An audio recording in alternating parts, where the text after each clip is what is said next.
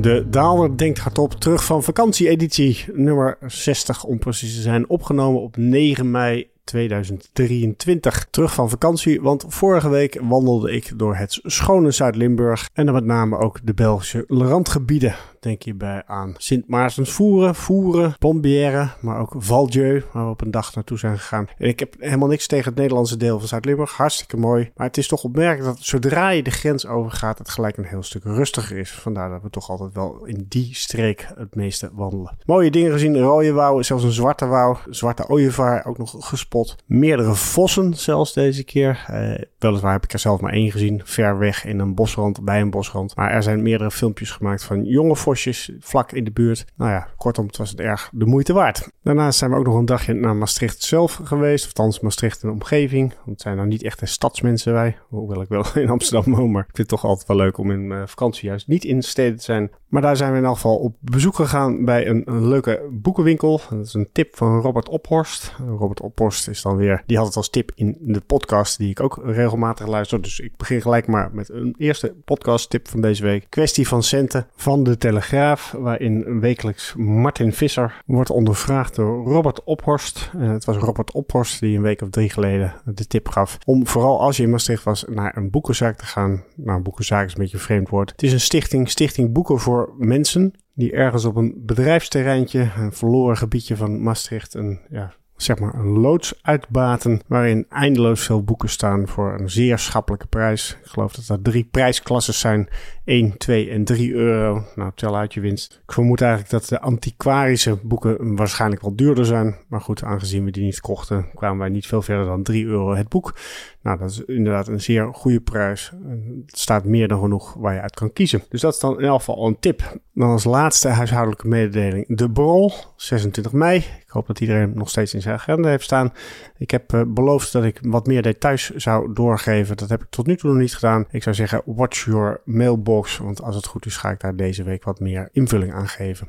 26 mei, ik geloof vanaf een uurtje 5 had ik gezegd. Dus dat lijkt me prima. De locatie komt per mail naar je toe. En daarmee heb ik geloof ik een redelijke introductie gegeven van wat de Daalder Denkt Hardop is. Dat is een podcast waarin ik, uh, Lucas Daalder, in de hoofdrol zit. Hardop denk, Chief Investment Strategist bij BlackRock. Hardop denk over economie, financiële markten en wat dies meer zijn. Wat dies meer zijn is in dit geval dus boeken, podcasts en in sommige gevallen zelfs vossen en zwarte wouwen.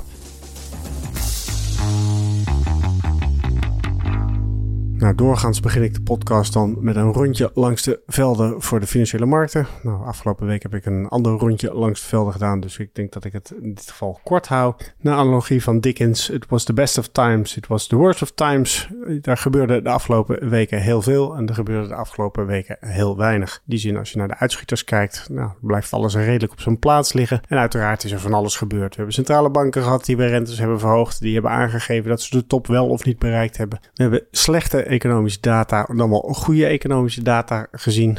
De goede economische data was in dit geval payroll report van afgelopen vrijdag. Slechte economische data is met name voor Europa weggelegd. Denk hierbij aan de Duitse industriële productie, maar ook de Duitse fabrieksorders. En dan hebben we daarnaast natuurlijk nog de bedrijfsresultaten gezien die een nogal gemixt beeld hebben opgeleverd. De belangrijkste conclusie daaruit lijkt te zijn dat met name de megacaps, dus de echt grote namen als Apple, Microsoft, Meta, die doen het goed. Die hebben goede resultaten laten zien en zijn daarop ook beloond met koersstijgingen. Terwijl de rest van de beurs ja, toch ook wel wat tikken krijgt links en rechts. Echte uitschieter, de enige echte uitschieter waarvan ik denk van nou, wel eentje om in de gaten te houden is wat mij betreft olie. En misschien wat breder getrokken olie, gas en nog breder grondstoffen. Want daar zie je niet alleen meer bewegelijkheid de afgelopen maanden, maar ook eigenlijk dat er ja, langzaam maar zeker steeds meer verliezen komen. Olie is hierbij natuurlijk het belangrijkste voorbeeld. Het kreeg een behoorlijke boost naar aanleiding van de laatste OPEC-productiebeperking, die begin april bekend werd gemaakt. Toen schoot de koers behoorlijk omhoog. Nou, als je vervolgens kijkt naar het koersverloop sinds die tijd, is al die winst volledig weer ingeleverd. En bungelen we nu wel een beetje aan de onderkant van de trading range die we nou de afgelopen tijd hebben gezien. Sterker nog, de gemiddelde technisch analist zal hier zonder enig probleem een neerwaarts trendkanaal ontwaren. En we zitten op dit moment aan de onderkant van dat trendkanaal. Nou ben ik gelukkig geen technisch analist, dus ik zeg dit niet om mijn technische skills te etaleren, maar eerder om aan te geven dat olie wel weer eens een keertje als indicator kan gaan dienen om de kracht van de wereldeconomie te duiden. Dat zagen we in het verleden wel vaker. In 2014, 2015 kan ik me herinneren dat de aandelenmarkt min of meer één op één gekluisterd was aan de olie Dus alles wat de olieprijs naar beneden ging, werd door de aandelenmarkt gezien als een verzwakking van de onderliggende wereldconjunctuur. Met als gevolg dat de aandelenmarkt ook naar beneden ging. En een dergelijk patroon zag je ook eigenlijk in 2018, het laatste kwartaal, het befaamde laatste kwartaal van 2018. Kwartaal waarin eigenlijk alle goede rendementen van de eerste drie kwartalen werd verspeeld in inderdaad dat laatste kwartaal. Ook toen was er heel veel aandacht voor de olieprijs die toen ook hard onder druk kwam te staan. Uiteraard is dat geen enkele zekerheid. Hè? We hebben in de afgelopen, nou, laten we zeggen, 40 jaar meer dan genoeg bewegelijkheid gezien in olieprijzen die door de aandelenmarkt volledig genegeerd werd. En bovendien wordt zo'n olieprijs inderdaad best wel beïnvloed door de productiebeperking die de OPEC-landen of OPEC-plus-plannen precies afspreken. Geopolitiek speelt hierbij ook zeker een niet onbelangrijke rol. Maar Juist op het moment dat we alsmaar ons afvragen, is er een recessie? Wanneer komt die recessie? En dergelijke gaan we op een gegeven moment ook op zoek naar indicatoren. En ik vermoed eigenlijk dat dit een redelijk goede indicator is. Op het moment dat die olieprijs verder onder druk komt, zou best wel eens een keertje een indicatie kunnen zijn dat bijvoorbeeld de Chinese economie toch niet zo hard groeit als iedereen hoopt. Of bijvoorbeeld dat die zwakke economische data die je in Europa hebt gezien niet alleen een Europees probleem is, maar wellicht op een gegeven moment ook terugkomt in Amerika. Watch this space. En ik nomineer deze dan maar ook gelijk voor de OOO-rubriek. Opmerkelijk onbesproken. En de derde O krijgt u er gratis bij. En dat is natuurlijk een keurig bruggetje naar het volgende onderwerp. Want de vorige keer dat ik het over de OOO-rubriek had, ging het over de debt ceiling. Ik vroeg me toen af, waarom heeft niemand het daar toch over? Nou, be careful what you wish for. Want in geval alle stukken die ik gelezen heb over de afgelopen week, ook gedurende en na mijn vakantie, is het onderwerp stevig naar voren geschoven en heeft eigenlijk iedereen het er inmiddels over. Even een ultra korte recap. In Amerika hebben ze niet alleen een begroting, maar hebben ze ook een schuldplafond. Wat concreet inhoudt dat er gewoon echt een absoluut maximum is aan hoeveel schuld de Amerikaanse staat mag uitgeven. Nou, we zitten redelijk dicht bij dat schuldplafond, wat doorgaans inhoudt dat er ja, politieke spanning ontstaat van kan dat plafond omhoog of niet. Doorgaans is dat een hamerstuk. Je hebt niet meer nodig dan een kleine meerderheid in het Huis van Afgevaardigden. Maar daar zit nu het probleem. Die is op dit moment in handen van de Republikeinen en die liggen op dit moment erg dwars. Het grote risico hierbij is dat er geen overeenstemming wordt bereikt. Dus dat de Republikeinen gewoon voet bij stuk houden. Ja, en dan kom je in allerlei negatieve scenario's uit, waarbij er eentje de minst erg is dat er delen van de Amerikaanse overheid gesloten moeten gaan worden maar ja, ook het, risico van een echte default, of een technische default zoals dat heet, hangt boven de markt. Voor wat meer informatie over het onderwerp verwijs ik met liefde naar eerdere edities van De Daler Denkt het op, editie nummer 44. Alles gaat sneller dan verwacht in Azië van 24 januari, als ik me niet vergis. En editie nummer 45 met de gouden titel Stoute Markt, waarin ik heel specifiek inga op de drie mogelijke manieren om onder dit schuldplafond uit te komen. Maar goed, waarom is het nu opeens wel actueel, anders dan twee weken geleden? Nou, dat heeft alles te maken met de publicatie van een rapport en de uitspraak van de minister van Financiën in Amerika, Janet Yellen. Die heeft aangegeven dat de X-date, dus het moment dat het echt fout gaat, wel eens een keertje begin juni, 1 juni zou kunnen vallen. Nou, dat rapport gaat vervolgens in op allerlei afschuwelijke scenario's en wat voor negatieve impact dat kan hebben op eh, de banengroei, maar ook de economische groei. Waarbij eigenlijk drie scenario's worden voorgeschoteld. Brinkmanship, waarbij de negatieve impact min 0,3% voor het BBP is. Who cares, zou je bijna kunnen zeggen. Short default, een technisch default, maar die kennelijk niet heel erg door. dat min 0,6% van het BBP. Maar het gaat natuurlijk allemaal om het laatste scenario, protracted default genaamd, waarbij het BBP met min 6,1% geraakt kan gaan worden. Ga daar maar eens aan staan. Overigens is dit natuurlijk niet een volledig onafhankelijke bron die aan het woord is. Het is een rapport uitgegeven door het Witte Huis, genaamd The Potential Economic Impacts of Various Debt Ceiling Scenarios. Nou, je kan je best voorstellen dat het Witte Huis er wat aan gelegen is om een vrij somber beeld te schetsen. Met als gevolg dat de Republikeinen alsnog water bij de wijn gaan doen. Of eieren voor geld kiezen, zo u wil. Toch weer een veel te lange inleiding, want eigenlijk kom ik nu pas bij de vraag: wat kan je hier nou mee als belegger? En hier hanteer ik eigenlijk altijd zelf vrij standaard een simpel model voor. In die zin, dit is niet alleen voor de debt ceiling, maar je kan het hebben over de oorlog in de Oekraïne, over Brexit, over welk onderwerp je ook maar wil bedenken. De vraag is: heeft het zin om op dit soort geopolitieke gebeurtenissen nou echt te handelen of niet? En daarbij kan je eigenlijk drie hele simpele vragen stellen. De eerste vraag is: hoe zeker ben je van je zaak dat het ook inderdaad fout gaat? En in dit geval hebben we het dus over hoe groot is de kans dat de Republikeinen voet bij stuk blijven houden, de Democraten net zoveel voet bij stuk blijven houden, dus ook niet bereid zijn om te onderhandelen. Met als gevolg dat er op een moment ergens iets moet breken. En dat zou dan in dit geval het naar huis sturen van ambtenaren kunnen zijn, het platleggen van bijvoorbeeld de nationale parken, iets van die geest. Dat hebben we in 2012 volgens mij wel gezien. Hoe groot is die kans? Nou, die kans lijkt niet heel groot. Ja, het gebeurt wel eens. Hè? Dus we hebben inderdaad in 2012 een situatie gehad waarbij dat één of twee dagen aanhield. We hebben daarvoor ook wel eens een keer een situatie gehad dat dat gebeurde. Maar die kans is over het algemeen niet heel groot, omdat hier niet heel veel te halen valt. Kiezers zijn over het algemeen niet heel erg blij met dit soort uitkomsten. Met als gevolg dat de beide partijen al snel toch tot elkaar komen. Het kan, maar de kans lijkt niet zo heel erg groot. Komen we bij vraag 2 weet je 100% zeker hoe de markt gaat reageren. Wil je met een aanpassing van je beleggingsbeleid ook inderdaad succes hebben, moet je uiteraard ook weten wat de markt precies gaat doen. En dat is ook niet altijd even simpel. Het grote voorbeeld hierbij is bijvoorbeeld Brexit waarbij er aardig wat analyses zijn gemaakt over wat gebeurt er als er nou gestemd wordt voor Brexit. Nou, dan leek toch wel de algemene conclusie te zijn dat je dan vooral de Britse aandelen niet moest hebben. Die zouden geraakt worden, handelsbeperkingen, eh, wat iets meer zei. Nou, fantastische keuze, goed doortimmerd analyse, maar wat bleek de dag na Brexit daalde de pond heel sterk in waarde. Waardoor de correctie in de Britse aandelenmarkt ook eigenlijk van heel korte duur was. Aan het begin van de dag stond er een stevige min op de borden. Maar ik geloof dat die aan het einde van de dag alweer was weggewerkt tot 0%. En dat in de week na Brexit de Britse aandelenmarkt het relatief goed deed.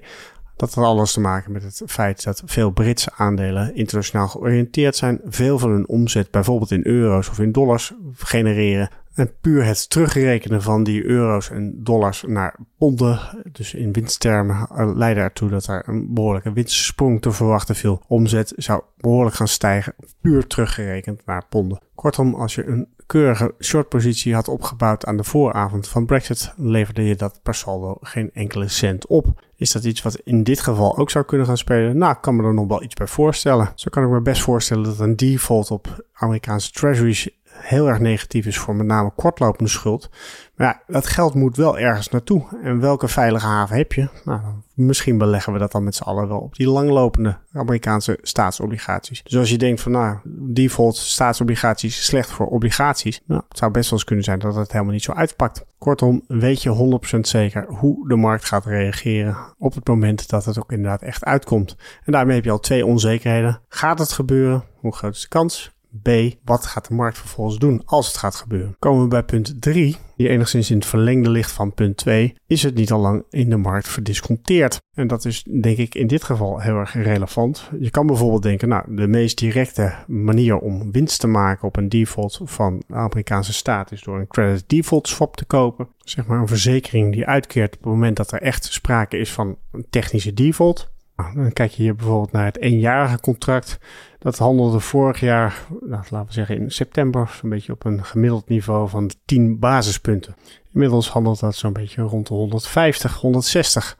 Dus het is duidelijk dat de markt wel degelijk rekening houdt met een mogelijk technisch default. En dat daar dus ook inderdaad verzekering voor gekocht is. Uiteraard moet je heel erg uitkijken met dit soort producten. Ze kunnen nogal illiquide zijn, dus je moet ook weer niet te veel conclusies verbinden ten aanzien van dit soort eh, hoge bedragen. Maar het betekent nog wel niet dat je voor een dubbeltje op de eerste rang zit. Er is niemand die dit risico zomaar gratis van jou overneemt. En iets dergelijks zie je ook terug in bijvoorbeeld het 1 maands en 3 maands spread. Die handelt op dit moment op 180 basispunten. Dus de 1 maands rente ligt vele malen hoger dan de 3 maands. En dat is eigenlijk een historisch hoog punt. Ook hier zie je duidelijk dat er wel degelijk de markt geanticipeerd heeft, al een prijs betaald voor dit risico. Met als gevolg dat als jij denkt van nou, ik ga dat nu eens eventjes dichtzetten, dat risico, dat het helemaal tegen je in kan gaan op het moment dat dat risico nooit uitkomt. Anders gezegd, je kan je heel sterk afvragen of als de markt het al heeft ingeprijsd, of het dan nog de moeite waard is om een verzekeringspremie te betalen. En dan als laatste punt, eigenlijk het belangrijkste punt voor met name pensioenbeleggers, is dit iets wat ook op de lange termijn je rendement gaat beïnvloeden? Gaan we inderdaad naar een recessie van 6,1%? Nou, dan kan ik me best voorstellen dat je denkt van ja, dit is wel de moeite waard om daar een klein beetje in mijn portefeuille rekening mee te houden. Maar als het om een technisch hobbeltje gaat, wat het in elk geval historisch gezien altijd geweest is, heeft het heel veel zin om nu grote ingrijpen te doen in je portefeuille. Met als gevolg dat je veel kosten maakt zonder dat het ooit echt tot goede opbrengsten leidt. Ik vind het altijd een hele moeilijke. Nogmaals, ik zeg hiermee niet dat dit allemaal niet gaat uitkomen. Dat je niet over twee maanden kan zeggen, zie je wel, dit hadden we allemaal kunnen zien aankomen. Dat zal je dan altijd te horen krijgen. Het gaat mij er meer om deze opeenstapeling van kansen en ja, onzekerheden. Loont dit zich? En mijn conclusie is dan over het algemeen vaak van niet. Ook als je naar historische tabellen kijkt van wat zijn nou eigenlijk de bewegingen in de financiële markten ten tijde van grote geopolitieke gebeurtenissen, zie je eigenlijk dat de doorlooptijd van dit soort events in financiële markten relatief beperkt is. Een maand, max drie maanden, maar echt niet meer dan dat. Kortom, je moet wel heel zeker van je zaak zijn, wil je hier echt op willen acteren. Een vraag, een vraag. En dat van een Engelsman die kennelijk ook nog naar deze podcast luistert, omdat het goed is voor zijn Nederlands. Of mijn Nederlands perfect is, weet ik trouwens niet. Maar goed, iedereen die wil uh, me luisteren is welkom uiteraard. Why are developing markets underrepresented in institutional investment portfolios? What reasons are there to consider an increase in allocation, equity or debt? And what would your practical tips be on how to do it? De vraagsteller geeft voor de rest aan dat hij bij een development bank werkt en daardoor enigszins biased is. Maar zijn observatie is dat ongeveer een kwart van de global economic activity plaatsvindt in emerging markets. Terwijl als je naar de verschillende portefeuilles kijkt, de allocatie naar emerging markets, dat dat meestal op een veel lager niveau staat. Hoe kan dat? Nou, ik denk dat het antwoord relatief makkelijk te geven is. Uh, het kan best zijn dat het BBP-aandeel van emerging markets in de totale wereldeconomie een kwart is. Maar dat hoeft natuurlijk absoluut niet te zeggen dat de winstgevendheid ook op dat niveau staat. De focus van opkomende landen is over het algemeen veel meer gericht op groei van de omzet. Waarbij zaken als kaststromen, winsten en dergelijke op een tweede plan komen. Tuurlijk, ze zijn wel essentieel en belangrijk. Maar voor veel bedrijven zie je toch echt dat de focus veel meer ligt op die expansie. En daarbij wordt er toch altijd een beetje gedachte fout gemaakt dat sterke groei van bijvoorbeeld de omzet ook inderdaad zich zal gaan vertalen in sterke winstgroei. Dat is zeker niet het geval als je historisch bekijkt. Simpele voorbeeld is hier natuurlijk China, sterkst groeiende economie van de wereld, al zeker een jaar of 20, 30. Maar als aandeelhouder ben je er absoluut niet in alle gevallen beter van geworden. Natuurlijk, als je er heel vroeg bij was, dus laten we zeggen in de periode 2000 tot 2009, heb je hele mooie returns gehad. Maar sinds die tijd sta je eigenlijk een beetje ja, te kijken naar hoe de betere rendementen alsmaar in Amerika worden gehaald. Dus dat is één. Omzetgroei is niet hetzelfde als winstgroei. En daar moet je natuurlijk rekening mee houden. Twee, ik denk dat de instituten in het Westen toch wat beter ontwikkeld zijn dan die in veel opkomende landen. En uiteraard wil ik niemand persoonlijk schofferen. Dus ik, en ik ken ook zeker niet alle opkomende landen. Dus ik, zou absoluut niet weten welk land het beter voor elkaar heeft dan welk ander land. Maar over het algemeen kan je natuurlijk zeggen dat er ja, toch wat meer risico's kleven aan een belegging in een Nigeriaans bedrijf of een Russisch bedrijf dan bijvoorbeeld in een bedrijf in Amerika. En hierbij moet je bijvoorbeeld denken aan corruptie, omkoopschandalen, maar ook onteigening. Dat is ook altijd nog steeds mogelijk. Geopolitieke risico's, zoals je dus inderdaad gezien hebt in Rusland. Als institutionele belegger wil je natuurlijk voorkomen dat je een kwart van je portefeuille belegd hebt in een land wat opeens niet meer bestaat. En ik chargeer, maar dat doe ik wel vaker. En drie, en dat is denk ik vanuit het werk wat ik bijvoorbeeld ook doe eh, in onze Capital Market Assumptions. Stel je hebt twee beleggingscategorieën, Amerikaanse aandelen en nou, laten we zeggen Chinese aandelen, die ongeveer eenzelfde verwachte rendement gaan opleveren. Dus laten we zeggen, alle twee verwachten we dat dat een rendement of vijf zal zijn voor de komende vijf jaar. En full disclosure, ik voorzien dit getal hier ter plekke dan moet je haast wel tot de conclusie komen dat de onzekerheid rond die 5% voor Chinese aandelen vele malen groter is dan die 5% voor Amerikaanse aandelen. En dat heeft alles te maken met geopolitiek, met historische waarden. We hebben een database voor Amerikaanse rendementen die teruggaat tot 1887 of 1883, iets van die orde van grootte. Voor Chinese aandelen gaat het niet veel verder terug dan 1980. Ja, ook dat moet je meenemen. Je hebt minder zekerheden, er is minder een database waar je op terug kan vallen waarvan je zegt van oké, we hebben historisch best wel veel verschillende macro-economische situaties meegemaakt verschillende geopolitieke situaties meegemaakt. En ondanks dat zien we elke keer best wel goede rendementen in Amerikaanse aandelen. Iets dergelijks kan je gewoon veel minder stellig zeggen ten aanzien van bijvoorbeeld Chinese aandelen. En die onzekerheid leidt er natuurlijk toe dat je in relatieve termen, ook al geven ze naar verwachting eenzelfde rendement, veel minder zal allokeren naar China dan naar Amerika. Dat kan achteraf gezien natuurlijk volledig verkeerd uitpakken. Er zijn natuurlijk altijd periodes geweest waarbij China het wel beter heeft gedaan. Of een ander land naar keuze het veel beter heeft gedaan dan Amerika. Maar dit zijn in elk geval wel de risico's waar je als institutionele beleggers op dit moment rekening mee moet houden. Kan je hier nog iets aan veranderen als asset allocator? Nou, ik zou zeggen, leg voornamelijk de nadruk op het wegwerken van risico's. Ik denk dat inderdaad de risicofactor de grootste beperkende factor is waardoor institutionele beleggers denken, laten we maar niet te veel naar een regio of een land allokeren. Op het moment dat je heel duidelijk kan laten zien dat die risico's beperkt zijn of afgedekt of op een goede manier geborgd zijn, dat je op die manier tot een hogere allocatie zou kunnen komen een langlopende track record die laat zien dat de individuele strategie beter werkt dan zeg maar een brede index, kan hierbij natuurlijk heel erg helpen. Nou, daarmee ben ik weer aan het einde gekomen van de Daalder Denk Hardop. Nummer 60. Vraag.daalder.blackrock.com is nog steeds het mailadres waar je je vraag kunt stellen. En tot die tijd wachten we gewoon weer tot de uitzending van volgende week. Tot dan! Risicowaarschuwingen. Beleggingsrisico. De waarde van beleggingen en de opgebrachte inkomsten kunnen variëren. Het is niet zeker dat u uw oorspronkelijke inleg terug ontvangt. Dit is een marketinguiting. In het verleden behaalde resultaten geven geen betrouwbare indicatie van het huidige of toekomstige rendement en dienen niet als enige criterium te worden genomen bij de selectie van een product of strategie. Veranderingen in de wisselkoersen van valuta's kunnen ertoe leiden dat de waarde van beleggingen stijgt of daalt. Deze schommelingen kunnen bijzonder sterk zijn bij een fonds dat blootstaat aan een hogere volatiliteit en de waarde van een belegging kan plotseling en zeer sterk dalen. De fiscale regelgeving waaraan beleggingen onderworpen zijn en de hoogte van de belasting kunnen in de loop der tijd wijzigen. BlackRock kan op elk moment besluiten een fonds niet langer aan te bieden. Belangrijke informatie. Deze podcast is alleen bestemd voor professionele beleggers volgens de MIFID-richtlijn. Andere personen dienen niet op de hier geboden informatie te vertrouwen. Deze podcast is uitgegeven door BlackRock Netherlands BV, dat een vergunning heeft verkregen en onder toezicht staat van de Nederlandse Autoriteit Financiële Markten. Officiële zetel Amstelplein 1 1096 HA Amsterdam. Telefoonnummer 020 549 5200. Ingeschreven in het handelsregister onder nummer 170 Om u te beschermen worden telefoongesprekken doorgaans opgenomen. Alle in deze podcast vermelde researchgegevens zijn verstrekt door BlackRock en kunnen door BlackRock inmiddels voor eigen doeleinden gebruikt zijn. De resultaten van dergelijke research worden slechts incidenteel verstrekt. De hier geuite visies vormen geen beleggingsadvies en kunnen aan verandering onderhevig zijn. Ze weerspiegelen niet altijd de gezichtspunten van een bepaalde onderneming binnen de BlackRock groep of van een afdeling daarvan en de juistheid ervan kan niet worden verzekerd. Deze podcast is uitsluitend bestemd ter informatie. Het vormt geen aanbod of uitnodiging om te beleggen in een van de fondsen van BlackRock en is niet opgesteld in verband met een dergelijk aanbod.